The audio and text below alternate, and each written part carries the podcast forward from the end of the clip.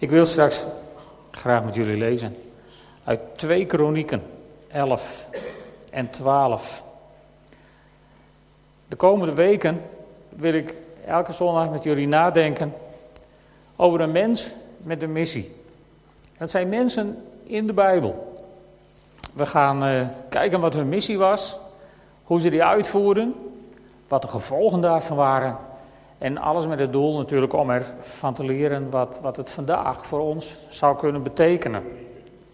Ik was, uh, wij waren met vakantie in Diever.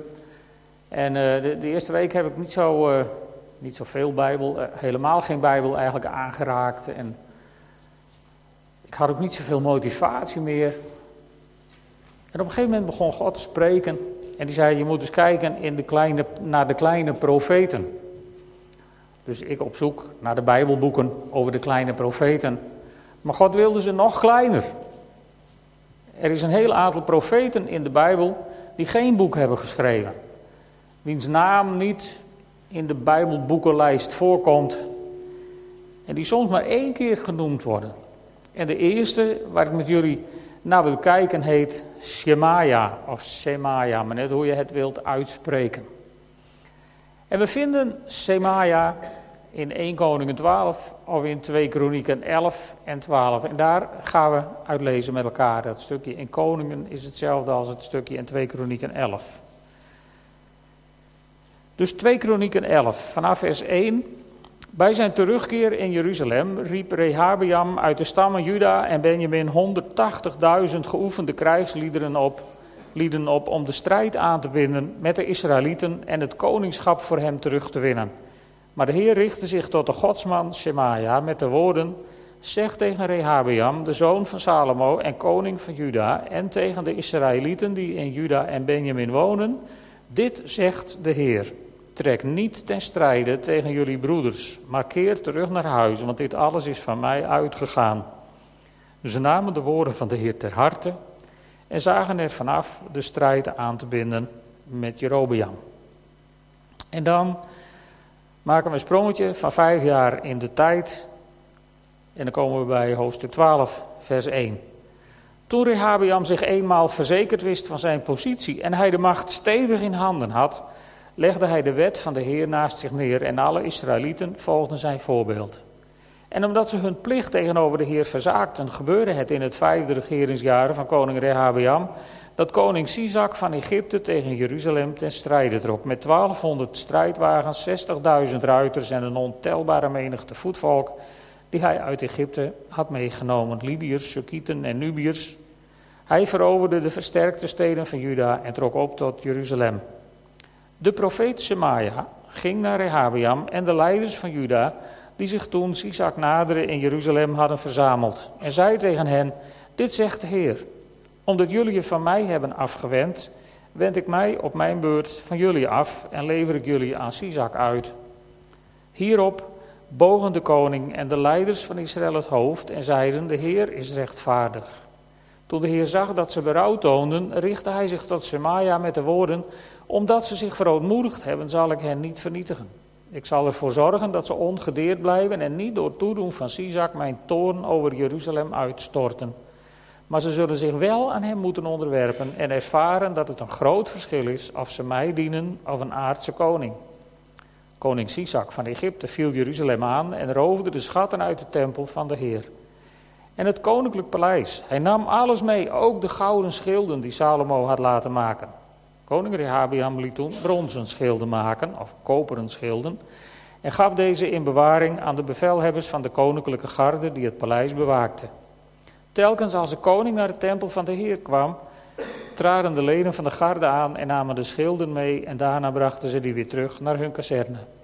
Omdat Rehabiam zich verootmoedigd had, wendde de Heer zijn, zijn toorn van hem af en richtte hij hem niet geheel en al te gronden, ook vanwege het goede dat er was in Juda.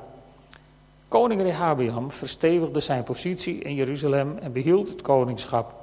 Hij was 41 jaar oud toen hij koning werd. 17 jaar regeerde hij in Jeruzalem, de stad die de Heer uit alle steden van Israëls stammen had uitgekozen om er zijn naam te laten wonen. Zijn moeder was Naama, een Ammonitische, dus een van die heidense vrouwen van Salomo. Hij deed wat slecht is, want zijn hart was niet gericht op de Heer. De geschiedenis van Rehabiam is van het begin tot het eind opgetekend in de geschriften van de profeet Semaja, daar heb je hem weer, en de ziener Edo. In het gedeelte met het geslachtsregister. Rehabiam en Jerobiam waren voortdurend met elkaar in oorlog. Toen Rehabiam bij zijn voorouders te rusten ging, werd hij begraven in de Davidsburgt en zijn zoon Abia volgde hem op. Nou, tot zover de Bijbellezing. Shemaya, of Shemaya, het is maar net hoe je het wilt uitspreken. En de naam betekent de Heere hoort. De geloofsbeleidenis van Israël, die is hoor Israël, de Heere is uw God, de Heer is één God. Shema Israël, zo begint dat. En dat Shema is van horen. En dan is het Shema, ja, dus de Heere hoort, betekent zijn naam. Hij wordt in eerste instantie de godsman Shemaya genoemd. Dat zou erop kunnen duiden dat hij bij de stam van Levi hoort, maar dat weten we niet zeker. Het is allemaal geestwerk, want verder weten we weinig over hem. Maar er komen in, in dit stukje van Rehabiam kort achter elkaar twee godsmannen, CQ profeten aan bod. De ene is Agia en daar staat bij Agia uit Silo. En mogelijk kwam ook Shemaya uit Silo. En wat was er in Silo? Weten jullie dat?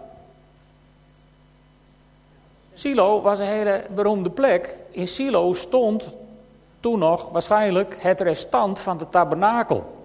En naar alle waarschijnlijkheid woonden de Levitische families die verantwoordelijk waren voor het transport en het onderhoud van de tabernakel, die woonden daar.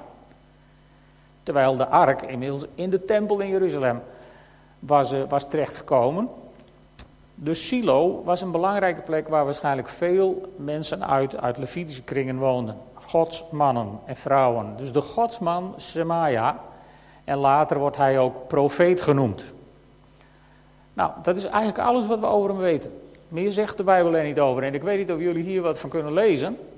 Dit is wat klein voor een PowerPoint-presentatie. Maar daar zie je een kolom. Dat zijn de koningen van het Noordelijke Rijk. Ook wel het Tienstammenrijk of Israël of Ephraim genoemd in de Bijbel. Hier heb je de koningen van het Zuidelijke Rijk, ook wel Juda genoemd. En hier zijn dan, heb ik een verzamelingetje gemaakt van profeten in die tijd. Dus Helemaal in het begin, 931 voor Christus, was Jerobeam, die werd koning over het noordelijke rijk. En Rehabiam bleef koning van Juda, de zoon van Salomo is hij. En Achia, Semaia en Iddo, zeg maar, dat zijn de tijdgenoten van hem. En dat brengt ons even bij de context van het verhaal wat we hebben gelezen. In 931 voor Christus scheurt het rijk Israël in twee stukken, het koninkrijk. Salomo, we kennen Salomo om zijn rijkdom en om zijn wijsheid. En Salomo is ook beroemd om de prachtige bouwwerken die hij bouwde. Maar goed, Salomo is ook een beetje berucht om de heidense vrouwen die hij, uh, die hij in het land haalde. Om een soort bondgenootschap met omringende landen te, te vormen. En we weten ook dat hij zich ging buigen voor de goden van die heidense landen. Maar wat we eigenlijk ook weten is dat in de tijd van Salomo er waren natuurlijk gigantische infrastructurele projecten, zouden politici vandaag zeggen. Maar dat kostte heel veel geld. Dus het land werd zwaar belast. En bovendien moest iedere Israëliet daar gewoon fysiek aan meewerken. Dus er was een soort, ja, een soort dienstplicht, een soort verplichte slavernij. En, en dat was enorm geworden onder Salomo. En toen Salomo overleed, kwam zijn zoon aan de macht en het volk wilde lastenverlichting. Een, niet een nieuw woord, dat wilden ze toen ook. En ze komen dus bij de opvolger van Salomo om te vragen of ze lastenverlichting kunnen krijgen. En dan, eh, dan geeft Rehabiam, ja, dat was zo een die was opgegroeid in de tijd dat de bomen tot in de hemel groeiden. En die vroeg niet aan de oude raadsheren van zijn vaderraad, maar aan zijn leeftijdsgenoten, die ook allemaal uit die tijd waren opgegroeid. En die zeiden, we gaan ze nog veel harder aanpakken. De belasting gaat omhoog, dus ze moeten nog harder werken, de zweep erover, bla bla. Dat soort verhalen. En, eh, en daar wil je geen verkiezingen mee. Ook toen niet. Dus het volk keert Rehabiam de rug toe en zoekt steun bij Jerobiam. Jerobiam was een dienaar van Salomo, maar die was in ongenade gevallen, gevlucht naar Egypte.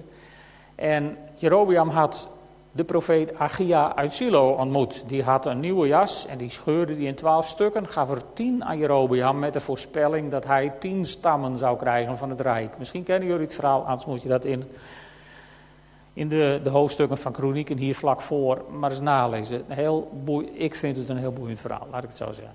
Goed, dus eh, Rehabiam was koning van Juda van 931 tot 914 voor Christus. En Jerobeam werd op die manier koning van de tien stammen in het noorden, ook vanaf 931 tot 913 voor Christus. En de profeten, dat zei ik al in die tijd, Achia, Shemaya en Iddo. Even internationaal gezien. In Egypte regeerde farao Sisak. En Egypte was de leidende natie van de wereld in die tijd. En uh, in het noorden was een ander rijk in opkomst. Het Aramese Rijk met als hoofdstad Damascus. En die hadden als, uh, ja, als, als, als rijk zo'n beetje Syrië, Libanon, een stuk van Irak, een stuk van wat ISIS op dit moment eigenlijk als groot rijk voor ogen heeft. Dat rijk was in opkomst. En nog een beetje verder naar het oosten was een heel klein sprankje begonnen van het rijk met als hoofdstad Babylon. En nog een klein beetje verder, dat is het huidige Irak. En in het huidige Iran, dat was ook een rijk, heel subtiel bezig te beginnen, het rijk van de Meden en de Persen. Maar dat was allemaal nog heel prematuur. Het Aramese rijk was aan het groeien, maar farao Sisak was nog steeds de baas. Maar omdat het Aramese rijk groeide, moest hij regelmatig naar het noorden om daar even wat meningsverschillen uit te vechten. En Israël heeft de pech dat het ligt op de weg van noord naar zuid. Dus als er een meningsverschil moest worden uitgevochten, dan kwamen de legers of door Israël of ze troffen elkaar in Israël. Met andere woorden, ze waren altijd de pineut. Goed, dat is even de context. Daar zijn we terecht gekomen. En dan heeft dat rijk, dat heeft zich afgesplitst. En dan haalt Rehabiam 180.000, ik heb het even in cijfers neergezet, dan kun je toch een beetje onder de indruk raken van de omvang. Met 180.000 mensen wil hij optrekken naar Jerobeam. En hij wil, hij wil die tien stammen weer onder zijn beheer hebben. Het staat er ook zo mooi van, het ging er hem om om om het, weer, het rijk weer onder hem te krijgen. Het ging niet om de eer van God, om het rijk weer te verzamelen. Het ging om de eer en de positie van Rehabiam. Het was gewoon een ordinaire strijd om de macht, zoals zo vaak in de wereld nog steeds plaatsvindt. Nou, dit zijn ze van plan. En dat was niet best, dat dat was doorgegaan, maar dat was waarschijnlijk een slachtpartij geworden onder elkaar. En dan krijgt de godsman Semaja opdracht om, om naar Rehabeam te gaan en naar het leger om er wat van te zeggen. En dan zegt hij iets heel boeiends namens God, of God zegt dat dus eigenlijk, trek niet ten strijde tegen jullie broeders. Ze waren weliswaar met een andere koning weggegaan, ze hadden zich afgesplitst van, van Juda, maar God blijft ze aanduiden als hun broeders. En hij is heel duidelijk, trek niet ten strijde tegen je broeders. En God zegt erbij, want dit alles is van mij uitgegaan. Ik heb het in de hand. God is in control. Ik ben erbij betrokken. Ik heb de leiding over dit gebeuren. Daar is God heel helder in. En het wonderlijke is dat ze daar naar luisteren. Weet je, trek niet op tegen je broeders. Ik moest daarbij denken aan die tekst uit Efeze 4, vers 26. Zondig in je boosheid niet. Hè? Als je boos wordt, zondig dan niet. Je mag wel boos zijn, je mag ook verdrietig zijn, je mag ook verontwaardigd zijn. Dat zijn allemaal emoties waar plek voor is. Maar zondig niet als je boos wordt. En dat waren ze van plan met die 180.000 mensen. Ze waren niet van plan om een soort conferentie te, te, te, houden. Om eens te bespreken onder welke voorwaarden ze bij elkaar terug wilden. Zo, zo werkte het in die tijd nog niet. En als je naar veel landen op de aarde kijkt, werkt het nog steeds niet zo. Dus zondig in je boosheid niet. En deze tekst past hier ook heel mooi bij uit Gelaten 5, vers 15. Wanneer je elkaar aanvliegt, pas dan maar op dat je niet door elkaar wordt verslonden. Dit was Dus de crisis in het Rijk. De dreiging was dat er een grote burgeroorlog zou uitbreken. En God die zegt daar wat van. En het mooie is dan dat ze in het tweede deel van vers 4 in hoofdstuk 11 zeggen. Of daar staat, ze namen de woorden van de Heer ter harte. Er staat niet zomaar van, nou, ze deden het. Nee, ze namen de woorden van de Heer ter harte. En weet je, dat is, dat is ook voor ons. Als God spreekt in zijn woord, of God spreekt tot je in een droom, in een visioen, op wat voor manier dan ook. Het is belangrijk dat je Gods woord ter harte neemt. Dat je het niet alleen maar voor kennisgeving aanneemt, dat je er naar luistert en het op de plank legt. Dat je naar huis gaat en zegt, maar een leuke dienst, wel drie profetieën, dat heb ik vroeger wel meegemaakt. En, en vervolgens er niks mee doen. Gods woord ter harte nemen. En dat betekende in dit, in dit geval dat ze ervan afzagen de strijd aan te binden. Ze waren bereid om dan maar het verlies van die tien stammen te accepteren. Het was echt een groot offer. Het was niet alleen maar van nou ja, dan vechten we vandaag even niet. Het was een groot offer om niet de strijd aan te binden. Soms kan de verleiding om de strijd aan te binden zo groot zijn. Het kan zo massief op je afkomen. Het verlangen om je recht te halen, om je gram te halen, om gelijk te krijgen. Maar ze zien ervan af om de strijd aan te binden. Een prachtig voorbeeld voor ons in conflict situaties, in lastige situaties, hoe je met elkaar om moet gaan. De minste willen zijn. En dan maken we weer het sprongetje. Komen we terecht in 925 voor Christus ongeveer. Er staat in het vijfde jaar van Rehabiam. Hè, toen hij zich eenmaal verzekerd wist van zijn positie. En hij de macht stevig in handen had. Het was net een mens, Rehabiam. Hè, want als we ja, als alles goed gaat en het gaat allemaal voor de wind en je hebt het allemaal onder controle, je hebt het allemaal in de hand, ja, dan heb je God niet zo nodig. Dan seculariseert het heel makkelijk in de wereld als het je voor de wind gaat.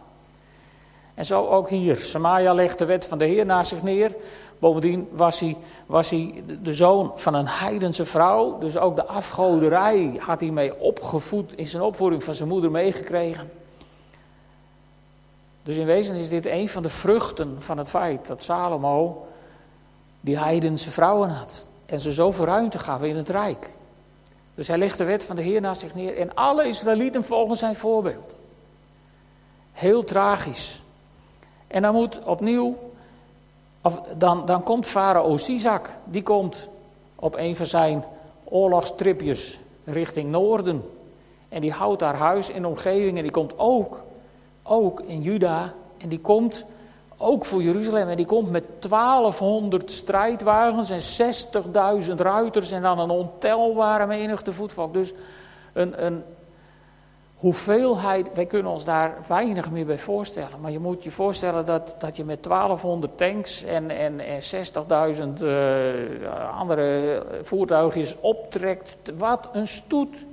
Wat een volk. Wat een nou, voor iemand die iets met het leger heeft, wat een logistieke operatie moet het ook geweest zijn. Om iedereen te eten en te drinken te geven en, en nou, bedenk het maar.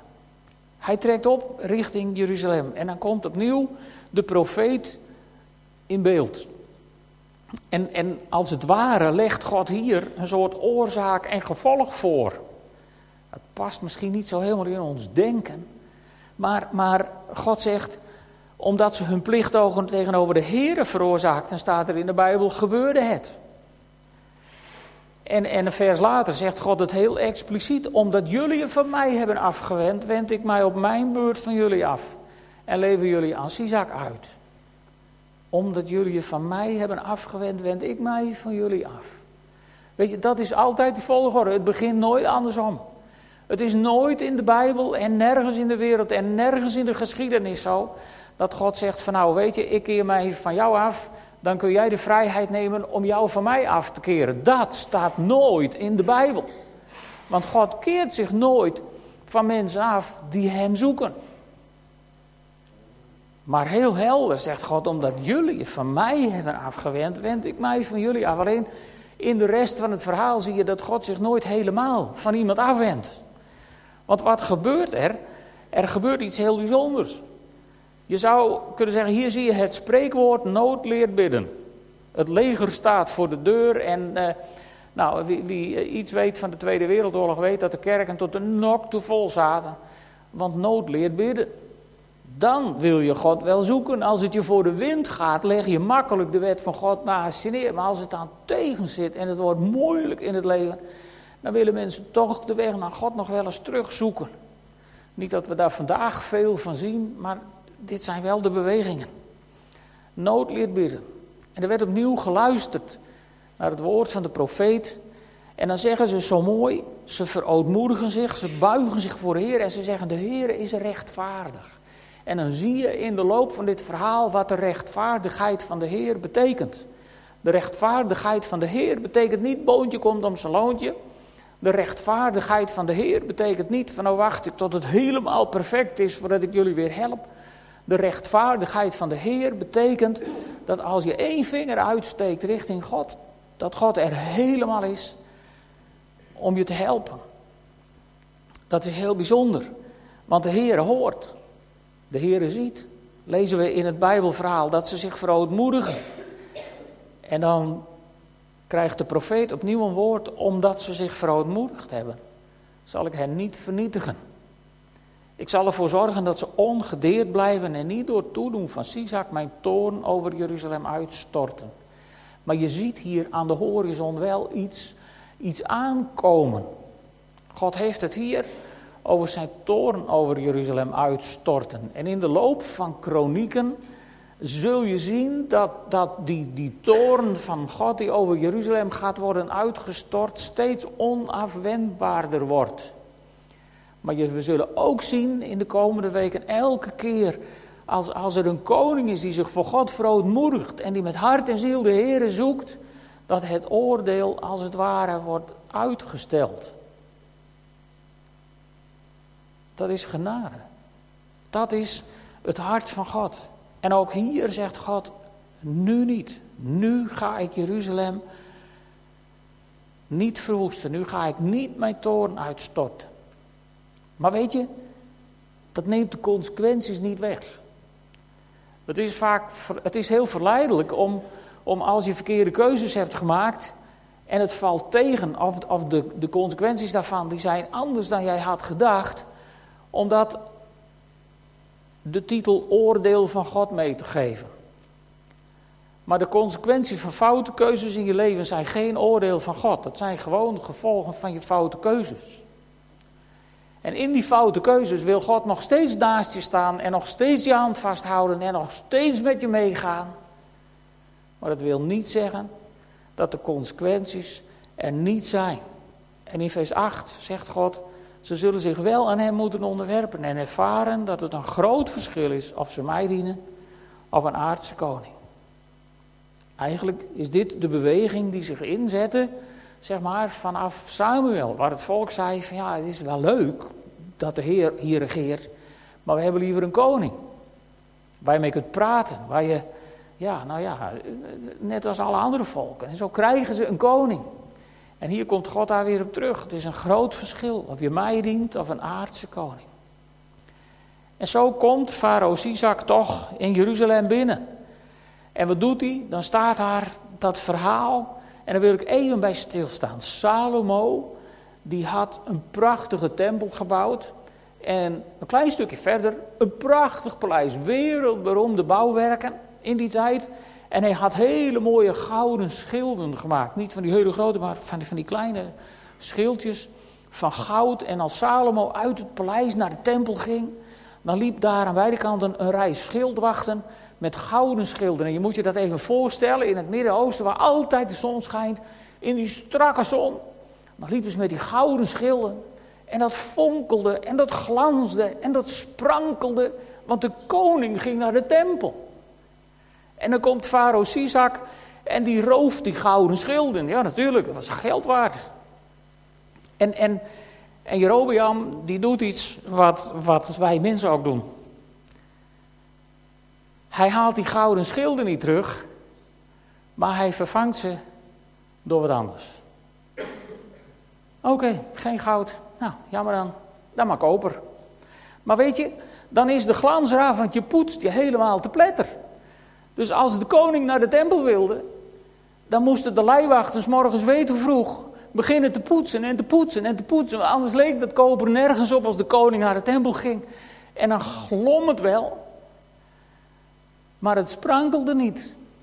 Want het was geen goud. Het glom niet uit zichzelf. Nee. Je moest poetsen en poetsen en poetsen om de schijn op te houden, zodat het toch nog een beetje blonk als de zon erop scheen. En zo vervangt eigenlijk ook in, in je geloofsrelatie, als je, als je zeg maar het goud van je eerste liefde vervangt door koper, waar veel eigen werk bij in zit, dan vervangt dat werk je relatie. En ik heb me er al heel vaak in mijn leven over, over verwonderd waarom wij het, als we, als we samenkomen in de kerk om God te ontmoeten en om God te vieren, waarom wij dat een dienst noemen. En ik heb dat nooit begrepen, tot de dag van vandaag niet. Waarom heet het een dienst? Als je de God van je leven, als je de liefde van je leven ontmoet. Toen je verkering kreeg, Harm, en je, en je, moest naar Jolanda op, op, op visite, was dat een dienst of was dat een feestje? Een feestje, ja. En nou hebben we de liefde van ons leven, die ons heeft gered voor alle eeuwigheid, die zijn zoon voor ons heeft gegeven, omdat we eeuwig leven hebben en niet verloren gaan. En als we bij hem op visite gaan, dan noemen we dat een dienst.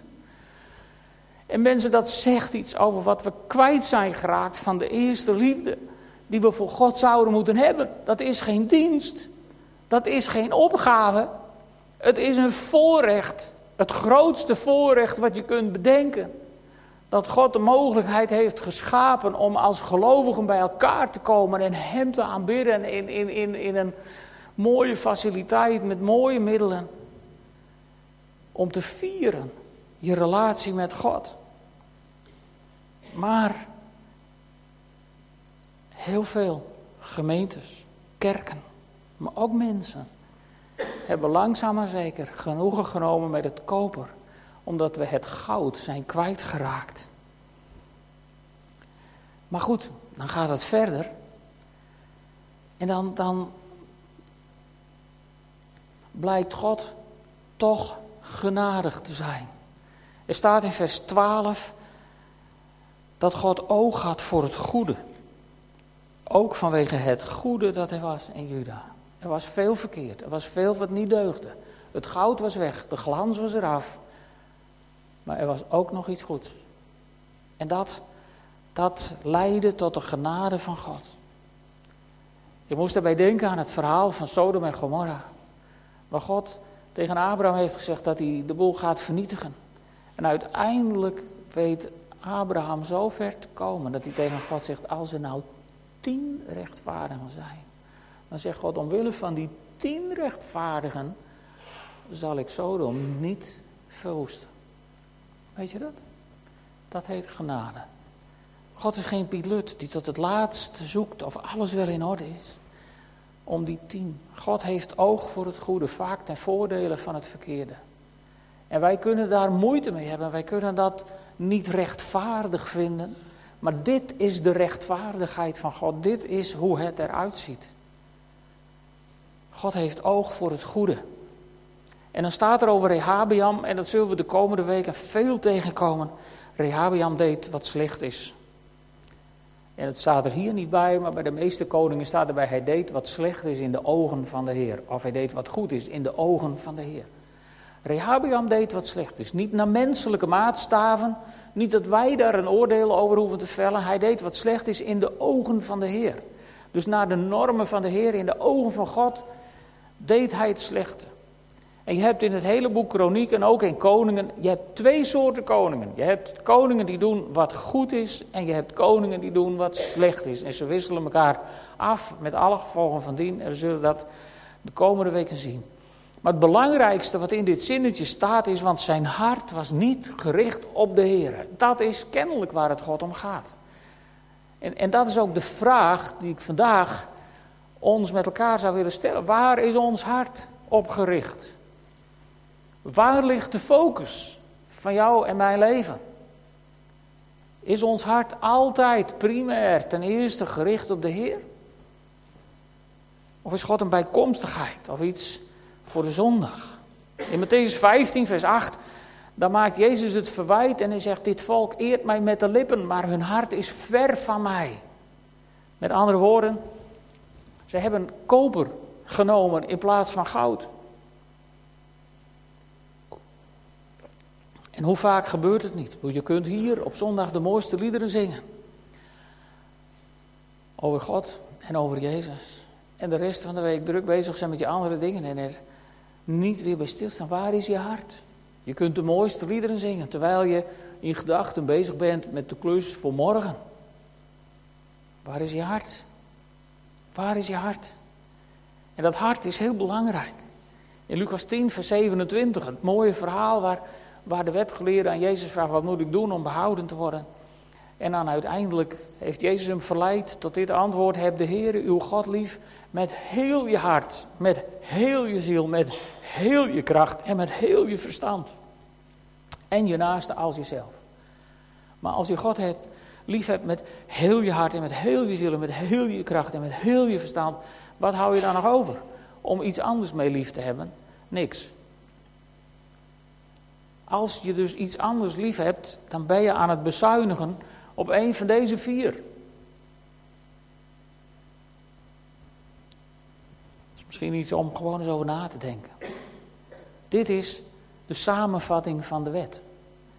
zo leerden ze dat vroeger. Ik herinner me als klein jongetje, als we in de gereformeerde kerk zaten, in die goede oude tijd waar elke zondag de wet werd voorgelezen.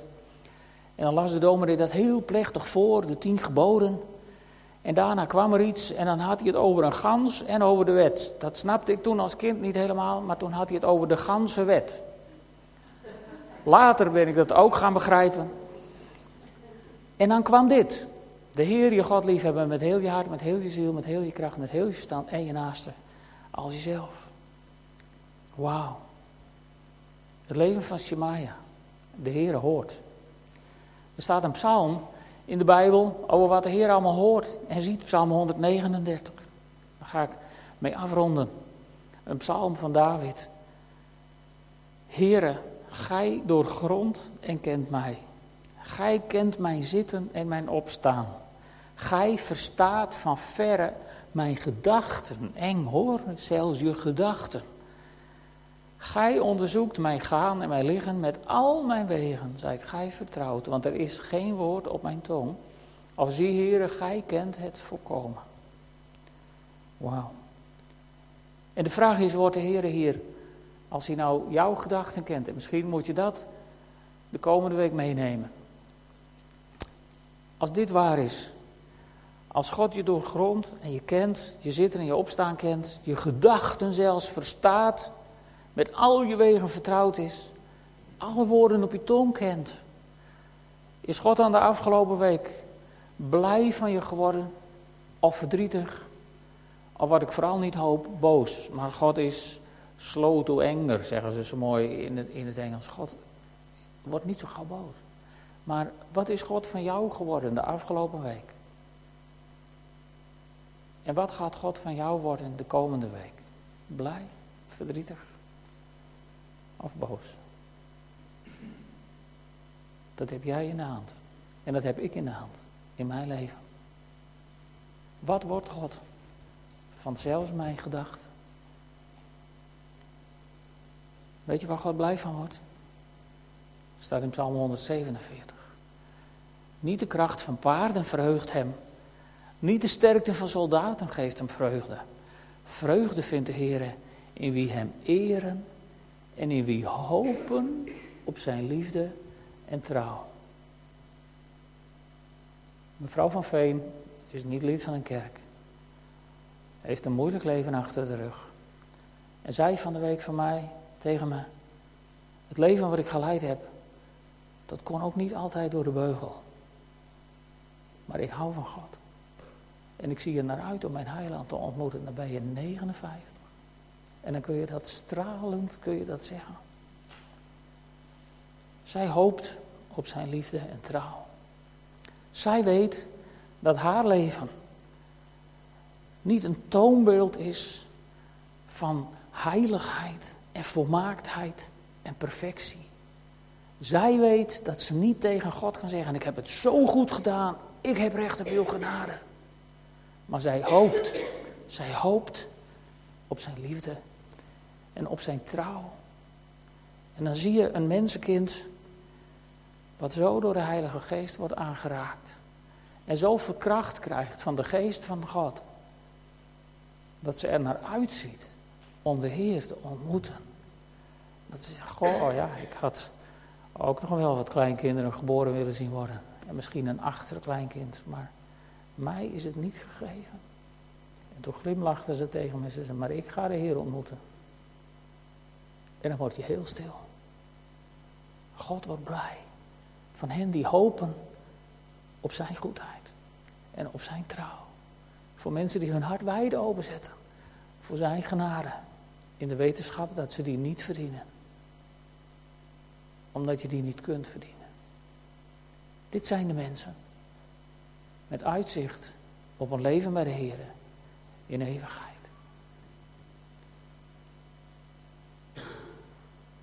En daarom nog één keer.